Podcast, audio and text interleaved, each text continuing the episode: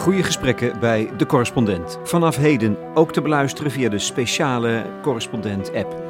Ditmaal met de psycholoog Paul Verhagen over normaliteit en andere afwijkingen. Maar dus in het algemeen is het zo dat wij uh, ja, wezens zijn die nood hebben aan nabijheid, nood hebben aan heel dicht bij de ander te zijn, bij iemand anders te zijn. Dan wordt het heel concreet, heel intiem. Eh, het kan ook een groep zijn. Uh, en uh, terzelfde tijd is er die andere tendens die ons drijft in de richting van autonomie, onze eigen dingen willen doen, zelfstandig zijn, los van de ander, alleen zijn. en ja, dat is natuurlijk zwart en wit, hè? dat is eh, water en vuur. En als dat zich terzelfde tijd gaat voordoen, dan wordt het helemaal moeilijk. In het meerdere van de gevallen wist het zich dat af. Er zijn periodes in ons leven waar we meer gericht zijn op het ene, en er zijn periodes waar we meer gericht zijn op het andere. Wat je ook ziet, en dat is dan denk ik ook de aard van het beestje, als er maatschappelijk gezien een verbod op het ene komt en een verplichting tot het andere, ja, wat willen we dan? Natuurlijk datgene wat verboden is. Hè? Uh, en dat hebben we ook meegemaakt met die coronaperiode. Uh, door de lockdown werd ons eigenlijk de mogelijkheid ontnomen om spontaan contact te leggen met andere mensen, om, om, om die, die intimiteit of die, die, dat groepsgevoel uh, daadwerkelijk te realiseren. En je ziet dat mensen op alle mogelijke manieren dat toch proberen te omzeilen en, en dat we heel sterk plots die nood voelen om, om, om dat dan toch maar op een of andere manier te kunnen krijgen. Hè. Ik denk inderdaad dat het een heel goed idee is als je dat van jezelf weet en dat je dan uh, daar ook uh, veel bewuster mee kunt omgaan. Uh, want ja, we zijn ook altijd geneigd om verklaringen proberen te vinden. En verklaringen worden heel vaak beschuldigingen.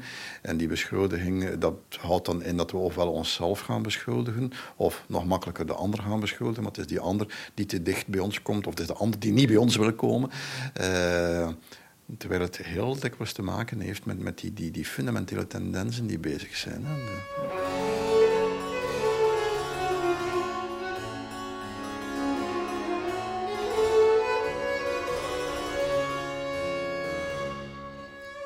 Paul Verhagen, hoogleraar psychodiagnostiek in Gent. Doorgebroken naar het grote publiek met boeken als Autoriteit en Intimiteit. Wat mij betreft vind je in zijn werk een van de belangrijkste analyses van onze tijd en maatschappij. En dat laatste, die maatschappelijke context, het economische bestel, de omgeving van werk en opvoeding, betrekt hij er altijd zeer nadrukkelijk bij. De zieke en de ziekte staan niet in hun eentje op een eiland, op zichzelf. Dat maakt dat zijn laatste essay ook van belang is. Houd afstand, raak me aan. Het gaat over de coronacrisis. Het, lijkt alsof dat dit iets is wat ons toevallig overkomt, terwijl het, het werd al voorspeld uh, na 2000 door de virologen. Het is duidelijk een effect van onze manier van leven. Uh, en als we er iets aan willen verhelpen, gaan we een ander levensstijl moeten gaan organiseren. Het maakt deel uit van een, een, maatschappelijk probleem dat zich niet beperkt tot die pandemie. Die klimaatverandering mag je daarnaast plaatsen. Hè. Het is zelfs niet alleen een maatschappelijk fenomeen. Hè. Het, gaat ook over het, het, ethische en over het mensbeeld. Eh, de, laten zeggen, de, de, overgrote meerderheid van uh, de berichtgeving over de pandemie en over de, de manier waarop we mee moeten omgaan, vertrekt eigenlijk van een heel fout idee. Het idee dat het uh, virus iets is buiten ons, dat we moeten bestrijden, dat we moeten, de vijand, het is een soort oorlogsvoering. En als je dat, daar een beetje over nadenkt, dan uh, schuilt daar de volgende gedachte in. De mens is uh, een wezen dat buiten de natuur staat. Buiten de natuur en boven de natuur. En wij kunnen het beheersen.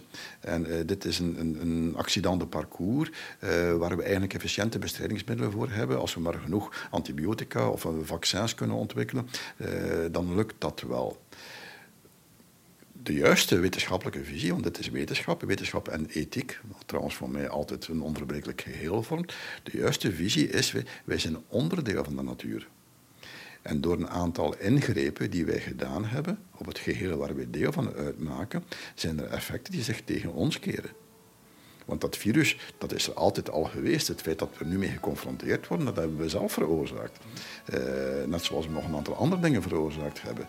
We staan er dus niet buiten, we zijn er onderdeel van. En we moeten heel goed nadenken over de, de, de, onze ingrepen daarop. Als we dat niet doen, dan zou het wel eens kunnen zijn uh, dat het fout afloopt.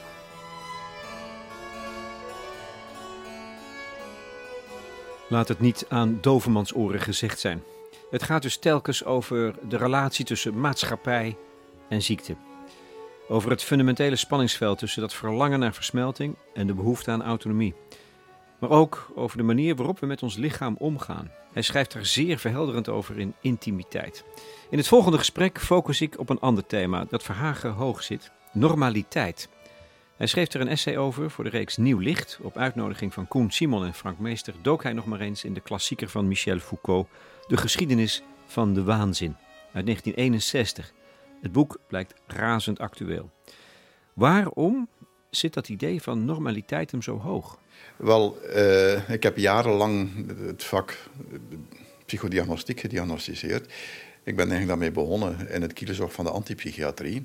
En toen was er al heel wat te doen over uh, de vraag of psychologische en psychiatrische stoornissen, of dat eigenlijk uh, normatief bepaalde problemen zijn, in functie van een bepaalde maatschappelijke verwachting, of dan wel uh, ziektes als dusdanig.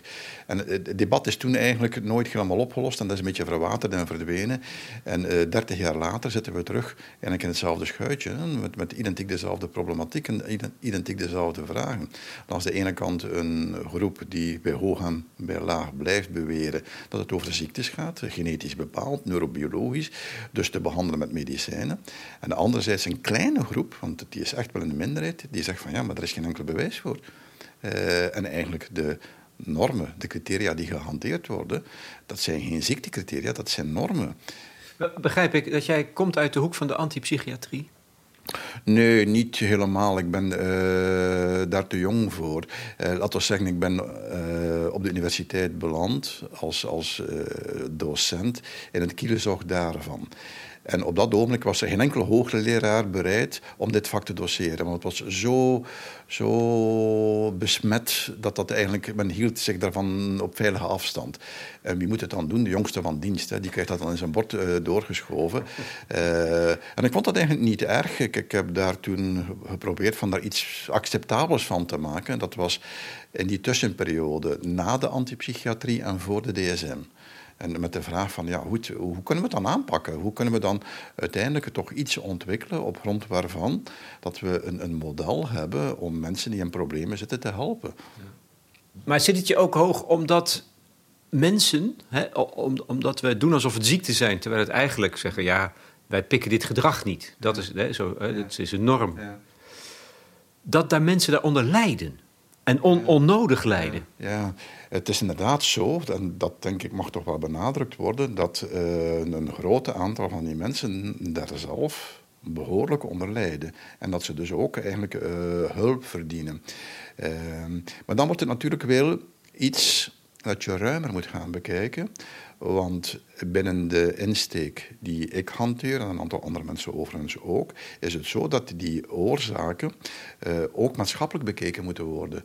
Dat een, een bepaald maatschappijmodel uh, een normaliteit oplegt. Elke maatschappij doet dat overigens. Uh, en dus ook de afwijkingen gaat definiëren.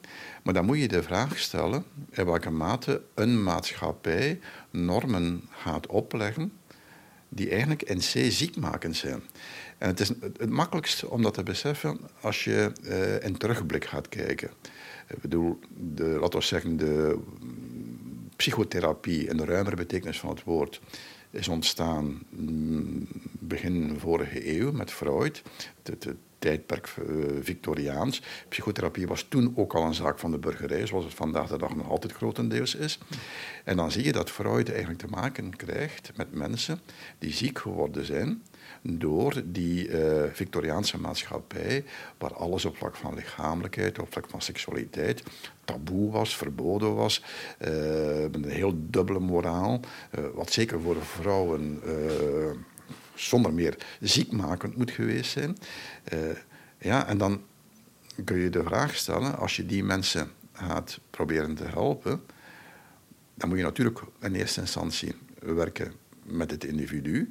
Maar heb je dan ook niet de ethische plicht, als psychiater, als hoogleraar, als psychotherapeut, het beroep stond toen nog niet, om een, een signaal te geven, om, om dit aan te kaarten, om te zeggen van kijk, op deze manier produceren wij mensen die die neurose uh, zullen ontwikkelen, uh, op die dwangneurose, hysterie, dat zijn de toenmalige ziektebeelden. Dat zijn geen genetisch bepaalde ziektebeelden, dat zijn effecten van die maatschappij. Ja, maar dat betekent dat je dus niet meer bezig bent met genezen of hulp bieden, maar maatschappijkritiek ja. beoefenen. En dat doe jij volgens mij ook heel sterk. Ja, dat klopt. Uh, en dan moeten we natuurlijk opletten. Uh, dus even weer terugkeren in de tijd. Freud deed dat niet, of nauwelijks. Hij heeft een paar teksten geschreven waarin hij dat wel aankaartte, maar Freud was niet echt de de, grote maatschappijcriticus. Uh, een aantal van zijn leerlingen heeft dat wel gedaan. En dan uh, nog ruimer, dan krijg je de Frankfurter Schule, die eigenlijk uh, afstand neemt van het, van, niet afstand neemt, die, die zich niet direct bekommert met het therapeutische luik, maar die wel uitdrukkelijk aangeeft van deze maatschappij zorgt er eigenlijk voor dat we ja, dat er bepaalde identiteiten tot ontwikkeling komen die op zich wel gevaarlijk zijn. De, de Frankfurter Schule heeft eigenlijk beschreven dat uh, een bepaald type persoonlijkheid uh, ontwikkeld werd binnen de toenmalige Duitsstalige gemeenschap die aan de basis ligt van het fascisme, op grond van uh, dat die opvoedingssystemen. Goed, maar fast forward naar de antipsychiatrie, dan krijg je daar dan weer een terugblik, een terechte maar een beetje een naïeve maatschappijkritiek. Uh, naïef in de zin van uh, de maatschappij is slecht. Uh, het is een beetje Rousseau, Jean-Jacques Rousseau. Dus de, de, mens is per se goed, de nobele wilde, le bon sauvage. het is die maatschappij die mensen ziek maakt. En als we die, die ziekmakende factoren maar wegnemen, als we de mensen maar alle vrijheid laten, dan zullen ze vanzelf zich ontwikkelen of zich herstellen tot gezonde, normale individuen. Ja, dat is niet zo. Uh, er is natuurlijk ook altijd een individuele factor. En je moet, denk ik, erover waken, als therapeut en als maatschappijcriticus, dat je die twee posities toch een stuk gescheiden houdt. Toch wel? Uh, ja, uh, je moet ze alle twee beoefenen, maar je mag ze niet verwarren. Ik bedoel, je gaat niemand die in de problemen gekomen is, psychologisch, psychiatrisch. Je gaat niemand helpen met hem of haar tot slachtoffer te verklaren van een, een, een boze, een boosaardige maatschappij. Daar is die man of die vrouw niet mee geholpen. Uh, want dan ga je samen met, met je cliënt of je patiënt aan de klaagmuur gaan staan. Uh, maar goed. Ja, en je gaat politiek bedrijven in feite. Je gaat politiek bedrijven, maar op een verkeerde manier. Je moet de politiek daarbuiten bedrijven, niet binnen de consultatiekamer. Ja, maar het is toch van wezenlijk belang. Want het heeft invloed op, op dat gesprek dat jij in de consultatiekamer moet voeren. Het heeft uh, daar zeker een belang. Maar als je dan iemand wil helpen, dan moet je eigenlijk gaan, samen met die man of die vrouw gaan nakijken uh, welke uh, zaken er bewerkt kunnen worden, welke andere keuzes er eventueel kunnen gemaakt worden, waarom iemand die richting uitgegaan is. En dat is niet eenvoudig. Dan heb je heel het métier van psychotherapie vanuit de verschillende stromingen, uh, die elk op zich, zonder mensen twijfelen, een aantal waardevolle uh, aspecten bevatten en een aantal minder geslaagde dingen. Dus iedereen met twintig jaar ervaring maakt wel een mix, een mengeling daarvan. Maar dan moet je gaan kijken hoe dat je daarop kunt aansluiten om die man of die vrouw of dat kind te helpen. Uh, en liefst inderdaad ook wat ruimer gaan dan alleen maar dat individu. Maar het alleen maar op de maatschappijkritische toer gaan, dat, dat werkt niet. Dat, uh, en alleen maar farmacologisch gaan werken, helpt zeker niet.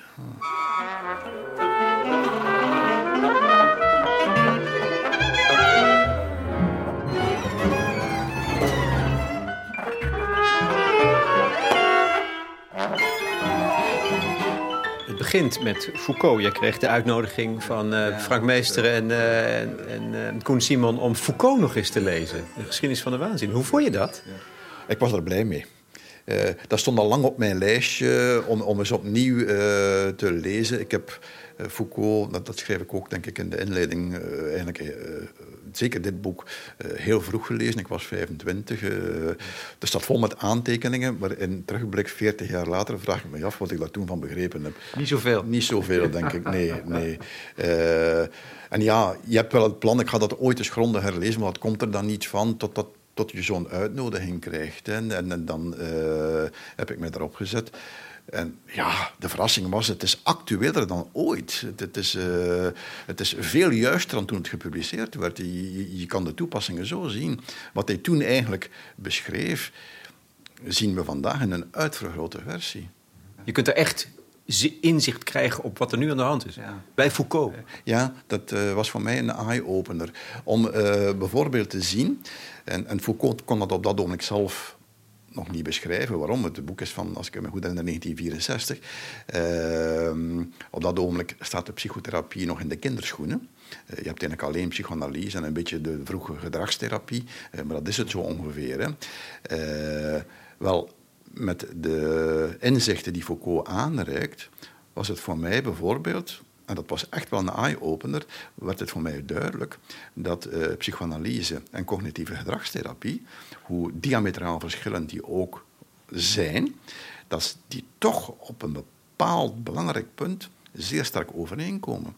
In beide gevallen is het doel van de behandeling iemand terug tot de ratio brengen, tot de redelijkheid. Uh, bij Freud uh, is natuurlijk met een andere insteek, die, die, die verdrongen uh, verlangens, die, die, die onbewuste weet ik veel wat allemaal, dat moet bewust gemaakt worden. En op het moment dat ze bewust geworden zijn, kan de patiënt daar bewust afstand van nemen, kan dat veroordelen. Dat schrijft hij letterlijk. Uh, als je dan kijkt naar de cognitieve gedragstherapie, de, de patiënt of de cliënt dan, uh, de nieuwe terminologie, moet zich bewust worden van een aantal inadequate gedachten. Dat heet dan cognities. Uh, de, therapeut functioneert als een soort morele meester die meehelpt nakijken wat er wel goede cognities zijn en slechte. En dan wordt er een programma aangeboden om, om die slechte cognities weg te werken en hoe je in de plaats te eh, te zetten. Maar dit is Foucault op en top. Dit is de, de redelijkheid die terug ingevoerd moet worden, het normale. En het, precies. Uh, en het veroordelen dus, van wat afwijkt. De kern is volgens mij, als ik het goed begrepen heb, bij Foucault al, en, en jij beaamt dat volgens mij, de angst voor het irrationele. Ja. Ja. Waarom zijn we daar zo bang voor eigenlijk? Um, kijk, dat is natuurlijk een, een, een reusachtig onderwerp. Uh, iets waar ehm, de wetenschap een stuk afstand van houdt. En dat kan ik eigenlijk wel heel goed begrijpen. Uh, als je het, uh, ja, wetenschap wil alles.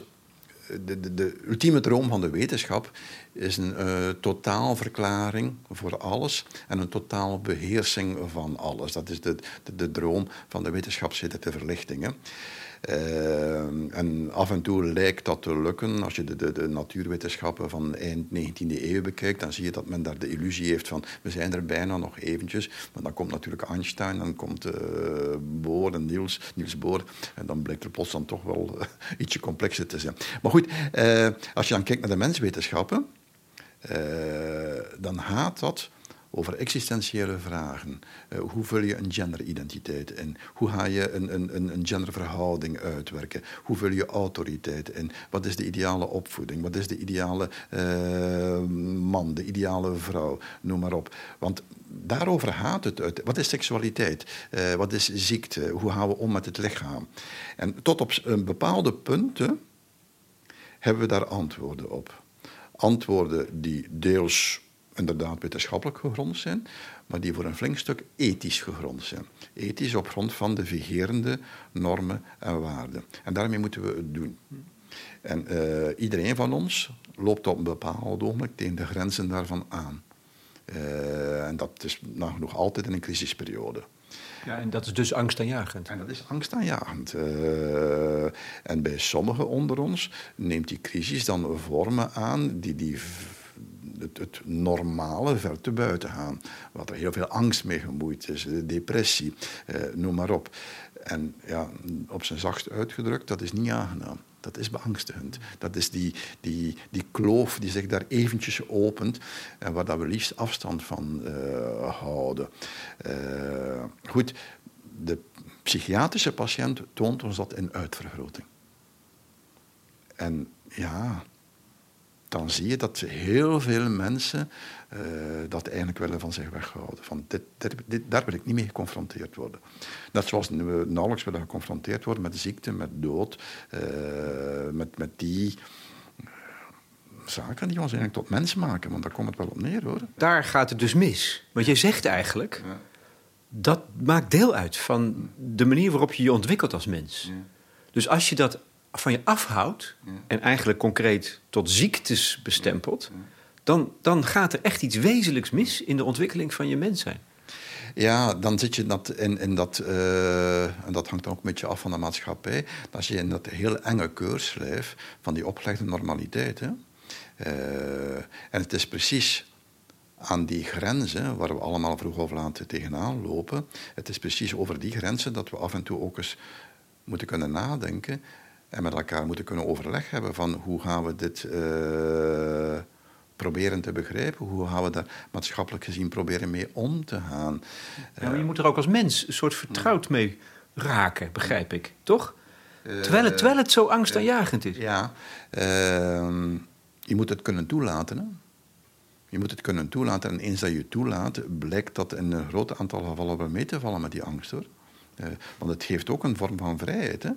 Maar goed, vrijheid is ook beangstigend. Uh, maar het gaat over echt wel essentiële zaken hoor. Uh,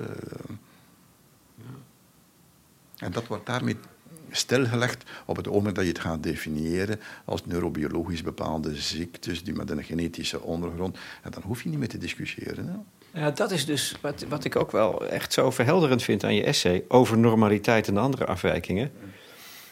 Juist daar waar het gist en broeit en waar je misschien wel ontdekt wie je bent. Als je daar heel, een hele strikte scheiding gaat hanteren tussen wat normaal is en wat niet normaal is, dan bestempel je al die dingen die eigenlijk vruchtbaar zijn tot ziekte. Ja. Ja, en het, het is een, een, inzicht dat we voor een flink stuk te danken hebben aan Foucault. Hè. Foucault heeft dat eigenlijk heel uh, mooi beschreven, hoe dat, dat in zijn werk gegaan is.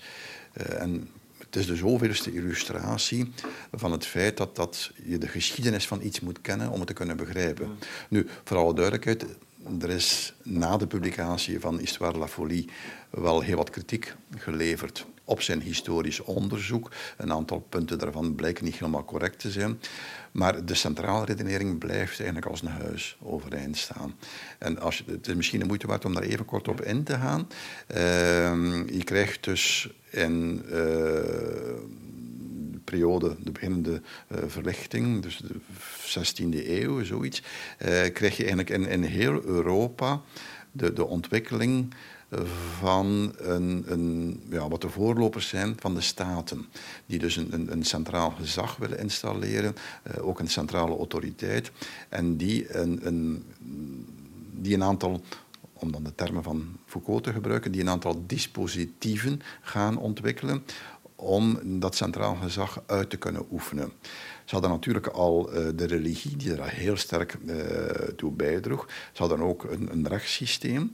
Maar er was een grote groep tussenin die eigenlijk aan de twee ontsnapte. Die niet zozeer uh, door de religie kon gedisciplineerd worden, die ook niet echt tot de misdadigers behoorden, maar die wel op een of andere manier om disciplinering vroegen. In Frankrijk en in Groot-Brittannië zie je dan het ontstaan van een, een nieuw soort instelling waar van rechtswegen uit al de marginalen, dat is de term die ook gebruikt wordt op dat ogenblik, wel alle marginalen letterlijk opgesloten worden. En marginalen, ja, dat zijn nog altijd grotendeels dezelfde mensen zoals vandaag. De daklozen, eh, afgedankte prostituees, eh, mensen met een mentale beperking, eh, noem maar op. Dus die groep die eigenlijk zich op een of andere manier niet voegen naar de maatschappelijke normen. Die worden dus opgesloten en worden aan het werk gezet. Uh, uit die groep, en dan springen we 100 jaar vooruit in de tijd, uh, zullen er een aantal subgroepen gedistilleerd worden. En een van de subgroepen die eruit gehaald wordt, dat zijn de waanzinnigen. En, uh, Foucault gebruikt bewust die term om eigenlijk te vermijden van, van een, hedendaagse, uh, een hedendaags concept op, op te kleven. Niet hij, wil, weigert van termen zoals psychose te gebruiken of, of weet ik veel wat. Dus gewoon groep van de waanzinnigen. En dan gebeurt er iets merkwaardigs. Dit is de periode waarin uh, de medische wetenschap zich begint te ontwikkelen. Heel vroeg, de voorlopers eigenlijk. Uh, op dat ogenblik is medische wetenschap uh, een één geheel. Er zijn dus geen subspecialisaties. Die, die, die, zullen pas later ontstaan. En er is een groep artsen die zich gaat buigen over die subgroep van de waanzinnigen die in het asiel opgesloten zitten. En zij gaan daar de volgende redenering op toepassen. We bevinden ons dus in de periode van de verlichting. Dus de ratio staat heel centraal. Dus die groep wordt beschouwd, dus die, die groep van de waanzinnigen, als de groep die niet redelijk is. Die dus niet het rationele beeld van de mens naar voren schuift. Wat is het tegenhanger van de ratio? Dat zijn de passies. Dus die groep uh, is redeloos omdat ze te veel hun passies gevolgd hebben. En de geneeskunde koppelt passies aan het zenuwstelsel, wat wij de neurologie zouden noemen. Dus die passies hebben te maken met het uh, zenuwstelsel. En dan krijg je voor de eerste keer een medische verklaring. Maar het is een heel bijzondere medische verklaring voor die, die waanzinnigheid. En die verklaring luidt als volgt. Die mensen hebben verkeerde keuzes gemaakt. Ze hebben keuzes gemaakt voor een passies. En door het feit dat ze die keuzes gemaakt hebben voor hun passies, is hun zenuwstelsel overprikkeld. En die overprikkeling heeft ervoor gezorgd dat zij zenuwziek geworden zijn. Dat is een begrip dat tot vandaag de dag bestaat. Uh, zenuwziek, is le maladie nerveux. Maar wat daarin, en dat Foucault legt dat heel mooi uit, wat daarin de centrale uh, redenering is, is dat zij zenuwziek geworden zijn op grond van een foute morele keuze. Ze hebben gekozen voor een verkeerde levensstijl, voor die passies. En dus dan krijg je daar een koppeling tussen ziekte en moraliteit. Wat trouwens op dat ogenblik ook in, het ruimere veld van de geneeskunde vrij centraal staat. Dat is niet alleen in, in die, die, wat later de psychiatrie zal worden. Dat is eigenlijk een, een idee dat, dat je in heel de geneeskunde wat ogenblik kunt terugvinden. Maar je beschrijft dit als iets in het verleden, zoals het ontstaan is. Hè? En, en, bij mensen als Freud en het Victoriaans en het onderdrukken van gevoelens ehm, eh, die niet mochten, omdat het eng was. Denk je van, dat is van toen. Maar eigenlijk, en dat is volgens mij waar het om gaat, is dat precies hetzelfde vandaag de dag nog steeds aan de hand is. wij, het, we denken, we doen alsof het ziekten zijn, terwijl we eigenlijk zeggen: ja, maar je mag je niet zo gedragen. Dat is toch de crux? Dat is juist, dat klopt. En uh, Foucault beschrijft dat ook mooi, hoe, dat, dat, hoe dat die koppeling tussen moraliteit, ziekte en afwijking, hoe dat vanaf de 19e eeuw ontkend wordt. Want dat is ook wel opvallend, uh, wat, we, wat ik nu beschreven heb, in die vroege periode, dat werd openlijk als dusdanig naar voren geschoven. Dat was geen enkel probleem. Dat werd op die manier uh, beschreven, behandeld. Vandaar ook dat de, de toenmalige behandeling, en dat is tot diep in de 19e eeuw zo geweest, werd benoemd als traitement moraal, morele behandeling. Waarbij psychiatrische instellingen, de voorlopers ervan, eigenlijk uh, disciplinerende instellingen waren. Uh, en de technieken die gebruikt werden, er was een, een, eigenlijk een koppeling van toenmalige medische uh, behandelingen. We zullen die vandaag zeker niet meer toepassen. Maar tezelfde ook pedagogisch autoritaire uh, aanpak om die mensen terug in het gareel te krijgen. Maar waarom is het dan wordt het vandaag de dag door de, de, de, de, de, psychiaters, dus de medici, maar ook de psychotherapeuten ontkend. Waarom wordt die ethische dimensie zo ontkend? Daarvoor moeten we terugkeren naar uh, het uh, tweede helft van de 19e eeuw. Op dat ogenblik zal uh, de wetenschap, zoals wij die vandaag de dag eigenlijk kennen, haar vorm krijgen, haar, de, haar, ja, haar manier van werken eigenlijk op punt stellen. En een van de meest opvallende zaken daarbij is dat in de wetenschap, en dat zijn hoofdzakelijk de natuurwetenschappen, dat, uh, die moeten objectief zijn. Die moeten uh, herhaalbaar zijn, los van plaats, tijd en persoon. Uh, normen en waarden mogen daar niks mee te maken hebben. Dat is voor de kerk, dat is voor de religie, dat is voor de moraalfilosofie. Maar dit hoort niet thuis in het veld van de wetenschap. En de medische wetenschap zal zich daar heel snel aan spiegelen. En je krijgt daar duidelijk een breukvlak, waar de medische wetenschap tot pakweg het is moeilijk om daar een exact getal op te plakken, maar te zeggen 1850, waar tot 1850 die koppeling uitdrukkelijk uh, beleden werd, en het woord beleiden is misschien wel goed op zijn plaats, uh, wordt dat na 1850 ontkend. Wij houden ons bezig met uh, uh, de studie van het lichaam. Dat gaat over moleculen, dat gaat over, geen kent men nog niet, maar dat gaat over zaken die niets met moraliteit te maken hebben. het zijn externe noxai, dus ziekteveroorzakers, die ervoor zorgen dat het lichaam ziek wordt, noem maar op. En dat gaat ook toegepast worden op de psychiatrie. en dat is daar één heel belangrijke stappen in geweest. De, de ontdekking dat uh, een van de belangrijkste, een van de frequente uh, psychiatrische aandoeningen die op dat ogenblik vigerend was, uh, de dementia paralytica, dat kennen wij nu niet meer, dat de oorzaak daarvan in syfilis lag. Uh, dat is een heel merk. Dus syfilis was de, de, de aids van die periode, met tien verstand dat dat zelfs niet eens besproken kon worden. Uh, was heel wijd verspreid. En syfilis is een vreselijke ziekte, omdat het zich in drie stadia voordoet. En mensen denken van, ik ben genezen. Nee, je bent niet genezen. De, het volgende stadium komt x aantal jaar later en is nog erger. En het uiteindelijke stadium is dodelijk. Nu, bij ongeveer de helft van de patiënten met een dementia paralytica, met een syphilitische besmetting, pardon, ontwikkelt er zich in het laatste stadium ook een, een vorm van psychose. Ja. Nu, eh, door het feit dat die drie stadia zo ver uit elkaar liggen, en dat men op dat ogenblik nog relatief weinig kennis had van de geneeskunde, eh, werd dat verband nauwelijks gezien. Op een bepaald moment wordt dat ontdekt. En dit wordt dan het paradigmatische voorbeeld. Kijk, deze psychiatrische aandoening wordt veroorzaakt door iets wat duidelijk een ziekte is. Nog later zal men weten dat het eh, een effect is van een infectie. Op dat ogenblik weet men nog niet, dat is nog, nog eens 30 jaar later. Maar dit wordt het paradigmatische voorbeeld. En alle psychiatrische aandoeningen worden op, in, in dat schabloon geduwd. Er moet een, een, organische oorzaak zijn en vergeet al die moraliteit. Ja. Maar ja, toch, het is, maar, wel omdat... Ja? Belangrijk om aan toe te voegen, dit is het enige voorbeeld. Er is nooit een tweede gevonden.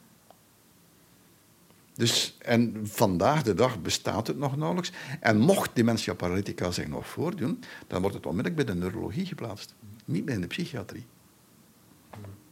Dus die ethische dimensie wordt ontkend. Ja. Ehm, als een soort een poging om houvast te hebben, grip op de realiteit. wetenschappelijk te zijn. Dat is eigenlijk de bedoeling. Echt maar, het is, maar het is een valse voorstelling van zaken. Dus dat hele bouwwerk van die geestelijke gezondheidszorg, psychotherapie en psychiatrie, dus pillen en praten dat, ja, hoe moet je dat nou zien? Dat is als een soort luchtkasteel dan. Ja, maar kijk, we moeten nu die, onze voorlopers ook niet gaan demoniseren. Hè. Laten we zeggen dat het op dat ogenblik een, een, een hoop was. Dus je moet je goed voorstellen, in de 19e eeuw, eh, de, de, de wetenschap heeft daar eerst grote successen. Hè. De elektriciteit, eh, de, de, de stoommachine. De, um, dus er is een soort uh, enorme optimistische stemming van we, we, gaan die dingen begrijpen en, en kunnen bemeesteren. En de psychiatrie en de geneeskunde gaat daarin mee. En er is inderdaad één succesverhaal, dat van de dementia paralytica. En dus wat gaat men doen? Uh, men gaat eigenlijk op zoek naar de organische oorzaak eh, van toenmalige psychiatrische aandoeningen. En men vindt niks. Uh, en dat zal ongeveer kantelen in de periode van Freud. Dan zie je zo rond 1819, 1900 dat er andere stemmen opgaan nog altijd in de voorloper van de psychiatrie, om uh, weer dat, wat dan psychotherapie zal heten, om dat te ontwikkelen. En om eigenlijk de oorzaken te gaan zoeken en andere factoren dan het organische. En vanaf dat ogenblik krijg je eigenlijk twee stromingen.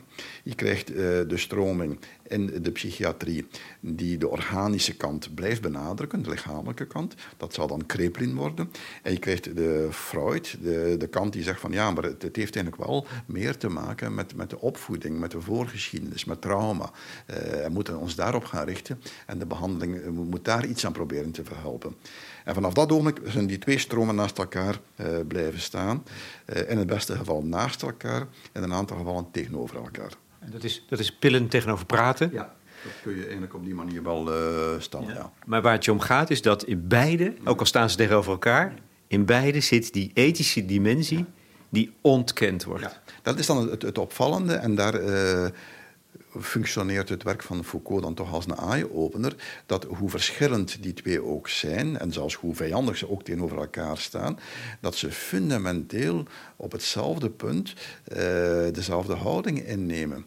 In die zin dat het in beide gevallen eh, een, een visie betreft waarbij patiënten tot patiënt gedefinieerd worden, omdat ze niet redelijk zijn, omdat ze afwijken van maatschappelijke normen en uh, waarbij de behandelingen zich eigenlijk opricht om hen terug te normaliseren. In het gareel brengen. Ja, in het gareel brengen.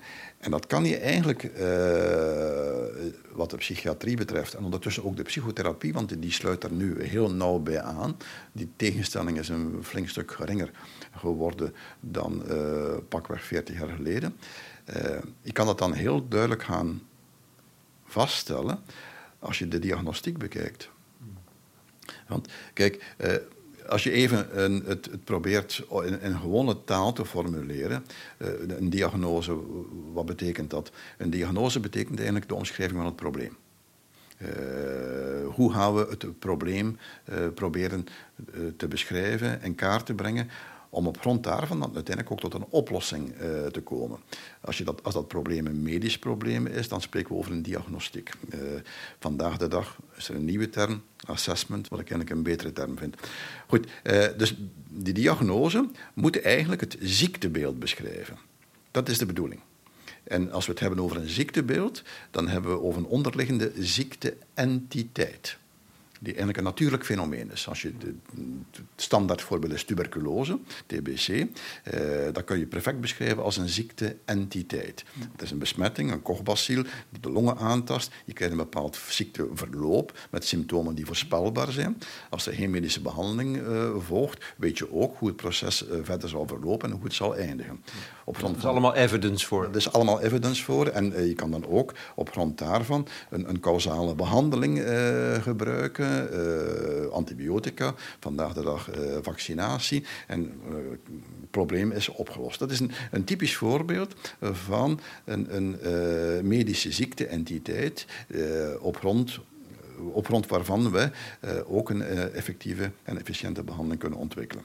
Goed, het was de bedoeling van de psychiatrie, en dan gaan we naar 1900, om voor alle psychiatrische aandoeningen dergelijke ziekteentiteiten te ontdekken. Want dan gaat het echt over ontdekken. Er ligt er iets in de natuur, in dat lichaam. Dat moeten wij blootleggen via onze microscoop, via de ontleding van het lijken, eh, om, om die oorzaak te vinden. En dan kunnen we een effectieve behandeling eh, proberen eh, te ontwikkelen. Dat is een lovenswaardig idee? Eh, alleen is het niet gelukt. En dan kun je eigenlijk historisch gezien uh, een, een, een, herhaling van hetzelfde proces uh, ontdekken. Je hebt Kreplin, dat is de grondlegger van, van de Europese psychiatrie. En die uh, is overtuigd van dat model. En die gaat dus heel zijn carrière lang op zoek naar die ziekteentiteiten. En hij doet niet anders dan uh, observatie. Dus een heel goede observator, samen met uh, zijn collega's, met zijn studenten ook, om te proberen die ziektebeelden in kaart te brengen. De man is wetenschappelijk eerlijk genoeg om op het einde van zijn carrière toe te geven dat dat mislukt is. Dat hij er nooit in geslaagd is van een ziekteentiteit alles dusdanig te ontdekken. Het enige wat hij kan doen, is op telkens opnieuw beschrijven en proberen zo goed mogelijk te beschrijven van wat hij observeert bij zijn patiënten. Maar dat neemt niet weg dat hij ervan overtuigd blijft dat het moet mogelijk zijn. Goed, uh, dat verdwijnt eigenlijk. De, de, de grote, uh, het grote debakkelen daarvan komt naar buiten met de antipsychiatrie. Dat is eigenlijk het, het, eindpunt van de Krepliaanse uh, psychiatrie. Uh, de, labeling op dat ogenblik in de jaren 70. Er is geen enkel bewijs daarvoor dat er een organische ondergrond is.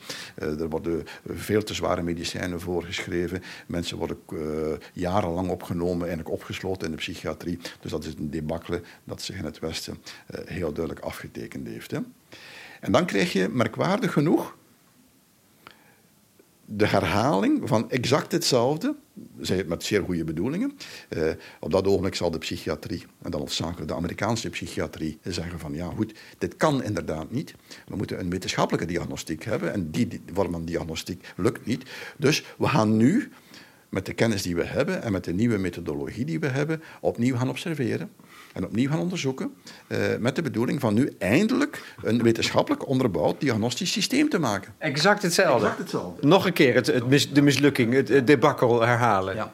Maar, uh, zoals wel vaker het geval is, op het ogenblik dat iets zich herhaalt, worden een aantal, hoe zou ik het uitdrukken, een, een aantal systeemfouten duidelijker. Dat is het voordeel van de herhaling, dat je in de herhaling dat iets scherper wordt. Uh, als je de diagnostiek van een kreplin gaat bekijken, dat, dan is dat nog uh, heel scherp, heel scherp, uh, vrij sterk beschreven in medische termen. Medische termen die wij vandaag de dag niet meer hanteren, maar die deel uitmaken van het medisch vocabularium uit die periode. Als je nu gaat kijken naar de DSM-diagnostiek, en vergeet niet, DSM, het handboek waarin al die ziektes, zogenaamde ziektes, zijn, zijn beschreven. Ja. ja. Als je nu uh, het eh, handboek van de DSM gaat bekijken met al die stoornissen, ondertussen zijn er meer dan 400. Uh, en dan moet je natuurlijk weten dat de, de basisidee van de opstellers van de DSM nog altijd is dat het gaat over neurologische stoornissen. Hè? Uh, een van de belangrijke figuren daarin ik ben zijn naam nu even kwijt, heeft een paar jaar geleden zelfs voorgesteld dat we de term mental disorder moeten vervangen door brain disorder. Dat we dus echt moeten afstand nemen van dat idee van mentale stoornissen, want daar gaat het niet over, het gaat over hersenstoornissen. Goed, en dan gaan we eens kijken naar die vorm van diagnostiek. En ik heb daar straks al gezegd van, het gaat over probleemomschrijvingen. Hè? Hoe gaan we het probleem proberen te vatten? Wel, elke DSM-diagnose bestaat uiteindelijk uit eenzelfde... Je kan er eenzelfde structuur in herkennen.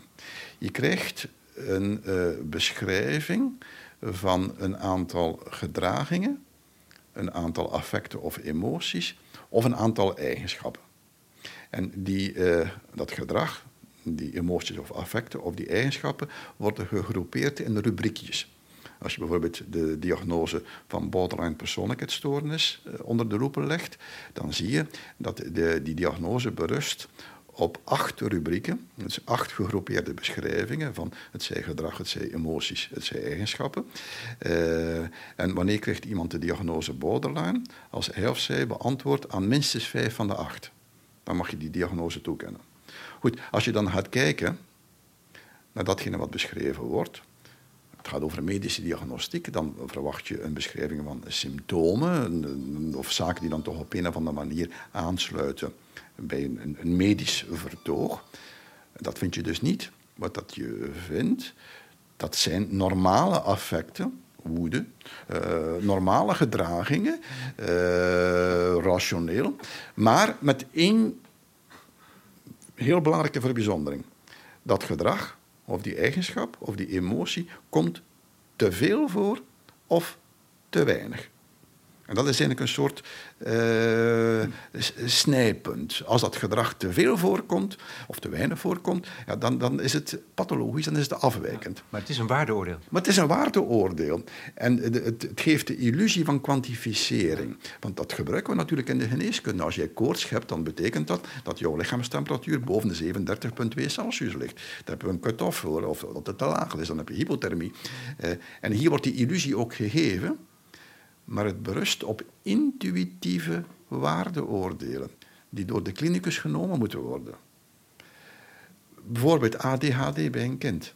Daar is een van de rubrieken van. Uh, zit vaak niet stil. Maar wat is vaak?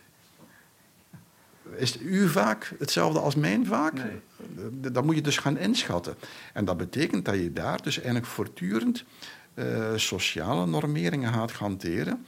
En op grond daarvan gaat men diagnoses gaan toekennen waarvan men aanneemt dat die wijzen op neurobiologisch bepaalde aandoeningen. En daar zit, wat mij betreft, een fundamentele oneerlijkheid. Zoals ik dat straks al zei, en een aantal mensen zal er hoogstwaarschijnlijk niet mee akkoord gaan. Ik denk dat elke maatschappij een dergelijk systeem nodig heeft om te kunnen uitmaken in welke mate iemand al dan niet beantwoordt aan de normen, los van het juridische en los van het eventuele religieuze, als het nog over een religieuze maatschappij gaat. En dat men daar dan moet kijken hoe men die mensen daar niet aan beantwoorden, wat de oorzaken daarvan zijn, hoe we die kunnen helpen, hoe we eventueel het maatschappelijke daartegen kunnen beschermen, want dat is af en toe ook wel nodig. Uh, maar dan moet je ervan uitgaan dat je te maken hebt met normen. En daar moet er een discussie over zijn. En dat is een lastig gesprek ook, denk ik.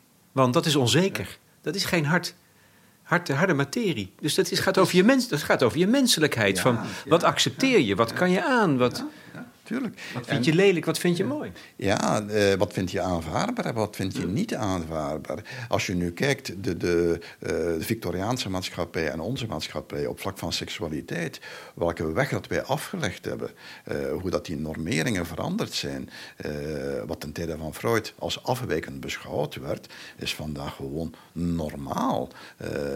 maar toen werd het als een ziekte beschouwd. Dat betekent dat wij een, een, bepaalde ethische weg afgelegd hebben en veel toleranter geworden zijn op een aantal vlakken, dat er ook een grotere vrijheid is. Uh, je kan dat alleen maar toejuichen.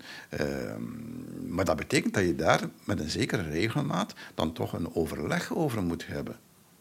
En nu zien we eigenlijk het omgekeerde, dat uh, de psychiatrie gebruikt wordt om een, een vorm ik, ik mijn woorden, om een, een, soort nieuwe burgerlijkheid op te leggen. Je moet uh, beantwoorden aan heel veel criteria. En als je daar niet aan ja, dan uh, moet je een pilletje nemen. Bijvoorbeeld als jij regelmatig een woedeuitbarsting hebt, uh, dan kan het wel eens zijn dat je leidt aan intermittent explosive disorder. Dat is een officiële psychiatrische stoornis. En dan moet, je, moet daarvoor behandeld worden. En die intermittent explosive disorder heeft dan moeilijk te maken met jouw uh, neurobiologische make-up of weet ik veel wat. En het heeft niets te maken met het feit dat je in een arbeidssituatie zit waar je echt wel reden hebt om te ontploffen. Uh, of het heeft niks te maken met enfin, whatever. Dat, dat... Nou ja, nee, maar daar zeg je iets. Je hebt het over de arbeidsomstandigheden. Ja. Want dat bied je aan in dit essay ook als verklaring, hè? Ja. waarom het zo is. Ja. Uiteindelijk staat dit allemaal ook in doel en dat is waarschijnlijk buiten de intentie van de psychiaters en de medici, om ons allemaal optimaal te laten functioneren voor het economische systeem. Ja. Ja, kijk, eh, dan moet je eventjes weer een, uh, die, die historische evolutie bekijken. Dus psychiatrie zal vanaf het begin, vanaf de ontstaansgeschiedenis, dat is wat Foucault beschrijft, eigenlijk uh, een dispositief zijn om die maatschappelijke normaliteit te beheren omdat uh, zowel in functie van het maatschappelijke als in functie van het individu uh, aanvaardbaar te maken, hanteerbaar te maken. En dat betekent dan dat psychiatrie op een of andere manier altijd schatplichtig is aan de maatschappij waarbinnen ze functioneert. Ja. Nu, maatschappijen zijn zeer verschillend op het vlak van normering de Victoriaanse maatschappij, eh, die door en door een, een, religieuze burgerlijke maatschappij was, is een heel ander model dan, dan uh, onze hedendaagse maatschappij. En als je dan gaat kijken dat, uh, naar onze maatschappij, ja, dan moet je echt geen groot maatschappijcriticus zijn om te zien dat economie bij ons centraal staat. Het is het economische dat alles gaat bepalen. Het maatschappelijke is ondergeschikt aan een bepaald economisch model. En uh, de normeringen, die bepalen wat normaal is en wat afwijkend is, worden dan eigenlijk vanuit dat economisch model opgelegd. En dus zal de psychiatrie daarin meestappen, omdat zij uit hoofde van haar maatschappelijke functie altijd meestapt met dat maatschappelijk model. Maar dan zou je toch mogen hopen, en dat zie je in de geschiedenis, dat dat ook altijd aanwezig is vanaf het begin, dat je in de schoot van wat ik dan makkelijkheidshalve de psychiatrie zal noemen, maar het is ook ruimer dan dat, het is ook de psychologie, de psychotherapie, de psychoanalyse, dat je in de schoot van die uh, discipline, dat er altijd stemmen opgaan die kritisch zijn. Die zeggen van ja, maar goed, klopt dit wel? Kunnen wij dit wel aanvaarden? Gaan wij daar wel in meestappen om dit uh, op die manier uh, mee te helpen bestendigen. Dus je hebt er altijd die tweespalt. De, de, de groep die eigenlijk maatschappijbestendig gaat werken, die zich een beetje te weinig vragen stelt, te weinig kritisch opstelt, en een groep die het wel doet. En dat spanningsveld, denk ik, is noodzakelijk. Dat is een heel goed idee. En ik zou het liever explicieter zien.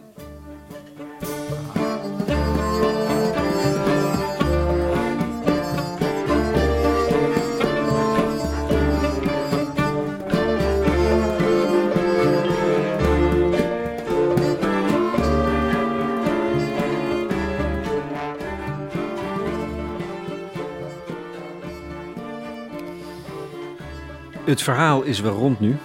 Als het gaat om dat voorlaatste essay eh, van Paul Verhagen: Normaliteit en andere afwijkingen.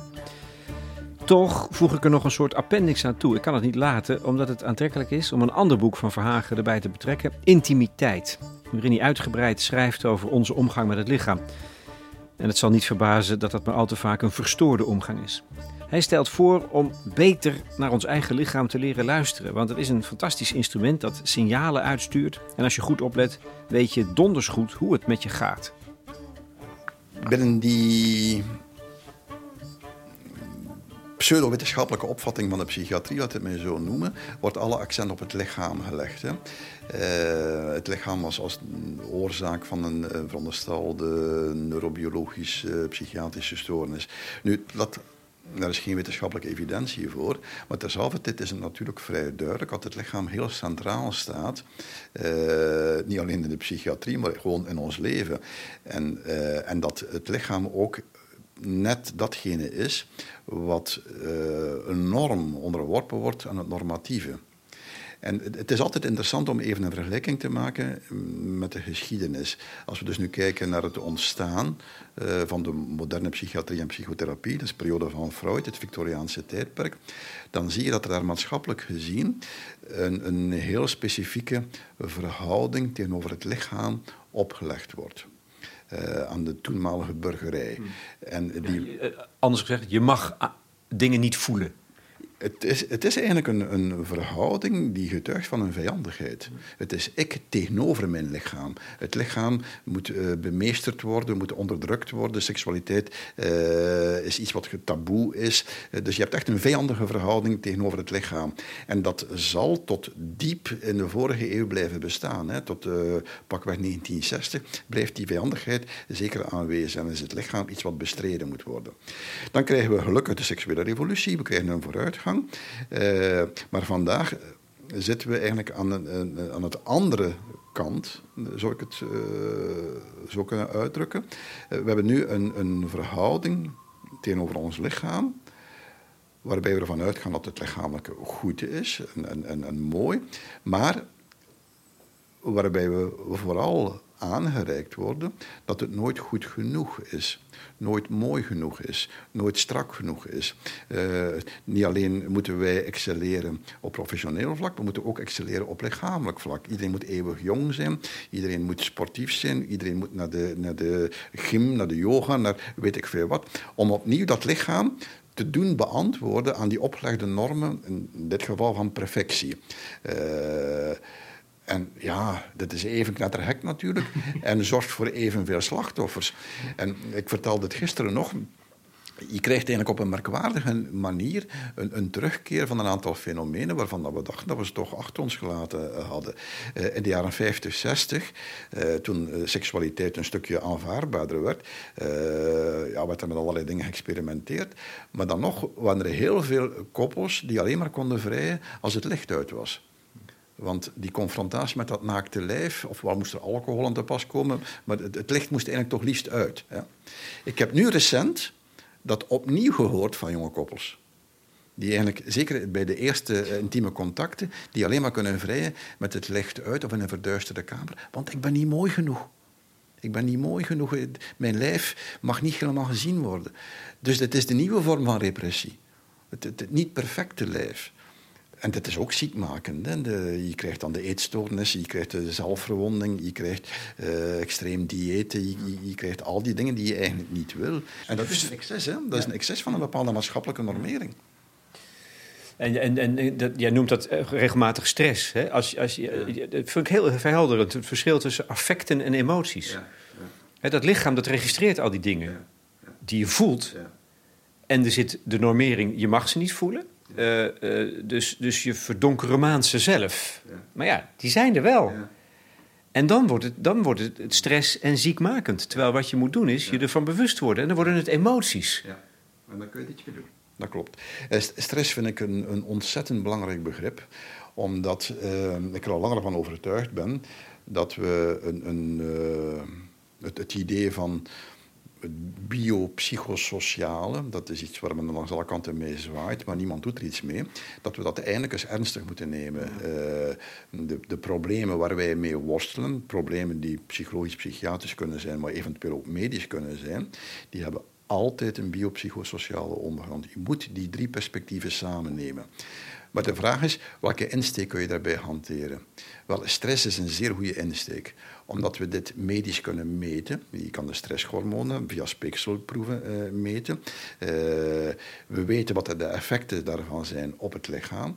We weten ook wat die oorzaken van stress kunnen liggen in psychosociale factoren, in relationeel, uh, op de werkvloer. Dus dat is zo een, een begrip dat ons toelaat van die drie perspectieven samen te brengen. je ziet ook hoe dat stress zowel ehm, somatische ziektes kan veroorzaken, onder andere diabetes, de auto-immuunaandoeningen, als, als psychologische en psychiatrische problemen. Dus het is een, een ontzettend belangrijke insteek om na te denken over uh, onze gezondheid. En over het verband tussen onze gezondheid, mentaal, lichamelijk, sociaal en onze omgeving.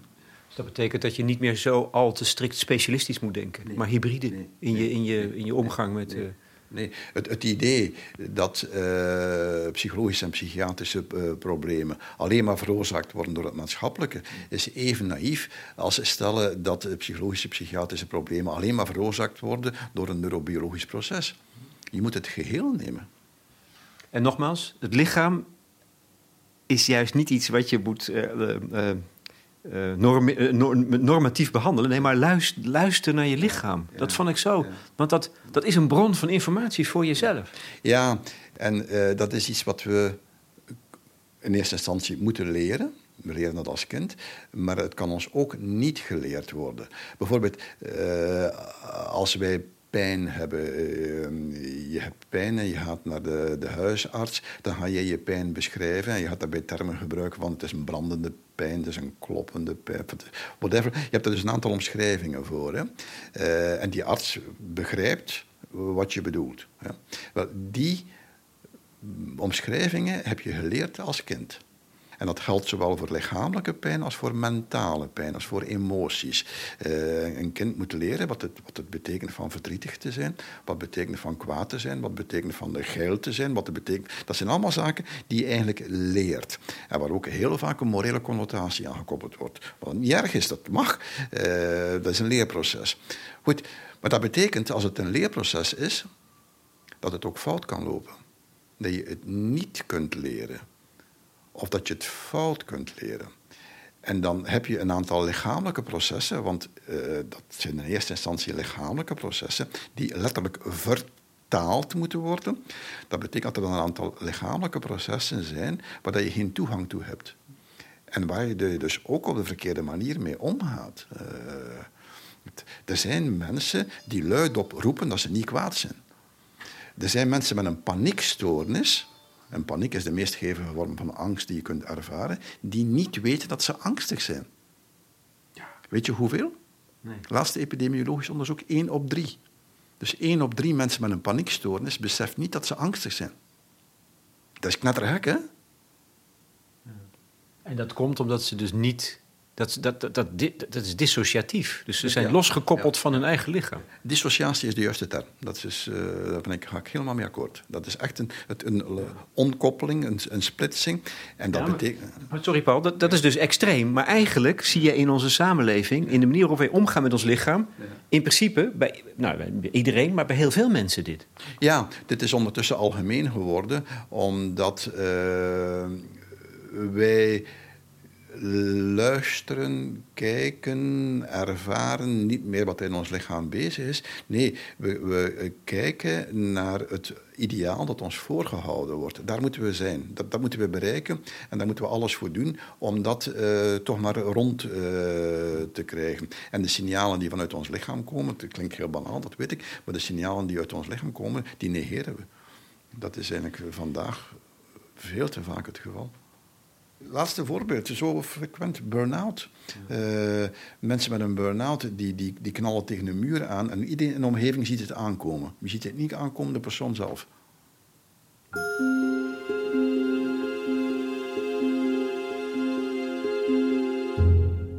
Paul Verhagen, hoogleraar te Gent over zijn essay Normaliteit en andere afwijkingen voor de correspondent. Inmiddels is er dus alweer een nieuw essay, Houd afstand, raak me aan. Ook dat kan ik zeer aanbevelen, net als eigenlijk al zijn andere werk.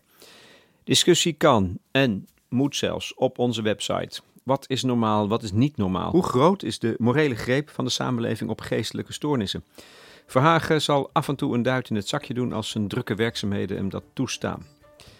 Over dit onderwerp wordt ook geschreven door collega Nina Polak. Zij bouwt daar een puik dossier over op. En ik wijs op de mogelijkheid om alle podcasts en audioverhalen op de eigen app van de correspondent te gaan beluisteren. Die kun je eenvoudig downloaden. Daar staan alle audioproducties voortaan tot je beschikking. De Rudy en Freddy Show, mijn goede gesprekken, alle stukken die door de collega's worden ingesproken, de audioboeken. Gemakkelijker kunnen we het niet maken. En hij heet gewoon De Correspondent. De muziek, tenslotte, was van Hellendaal, dat is 18e-eeuwse verlichting, en van Misha Mengelberg, querulant uit de tijd van de antipsychiatrie.